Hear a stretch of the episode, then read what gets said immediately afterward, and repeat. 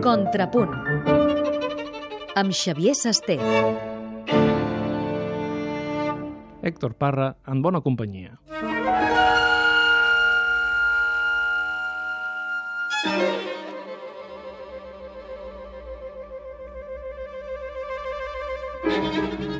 L'ensemble intercontemporain és un dels referents indiscutibles en la interpretació de la música del nostre temps. La seva visita a Barcelona era obligada en aquesta temporada en què el compositor resident tant al Palau de la Música com a l'Auditori és Héctor Parra, creador vinculat a l'IRCAM, una institució parisenca fundada com el grup instrumental pel fa poc desaparegut Pierre Boulez.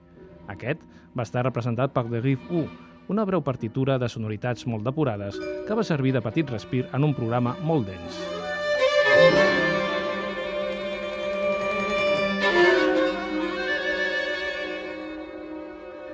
La música de Parra obria i tancava la sessió.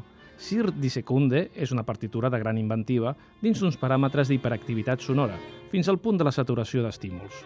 Per contra, Moin qu'on souffle à peine un mouvement de l'air dosifica de forma més convincent els efectes del diàleg que s'estableix entre la flauta solista i el conjunt instrumental.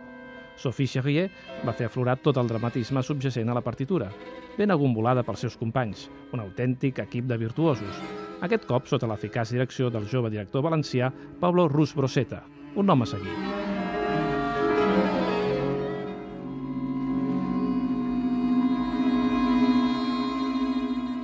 L'obra menys convincent del programa va ser la monòtona Eclipse de Jan Magués, tot i la tasca d'un altre solista notable, el clarinetista Jérôme Comte. En canvi, Death of Light, Light of Death, de Jonathan Harvey, va suposar una experiència apassionant, amb els seus contrastos entre excitació i quietud extàtica i les seves textures hipnòtiques. Tot i la qualitat contrastada dels intèrprets, aquest programa, certament no pas fàcil, de música contemporània es va traslladar al Petit Palau, perquè l'assistència era insuficient per a la sala gran. Encara hi ha molta feina per fer.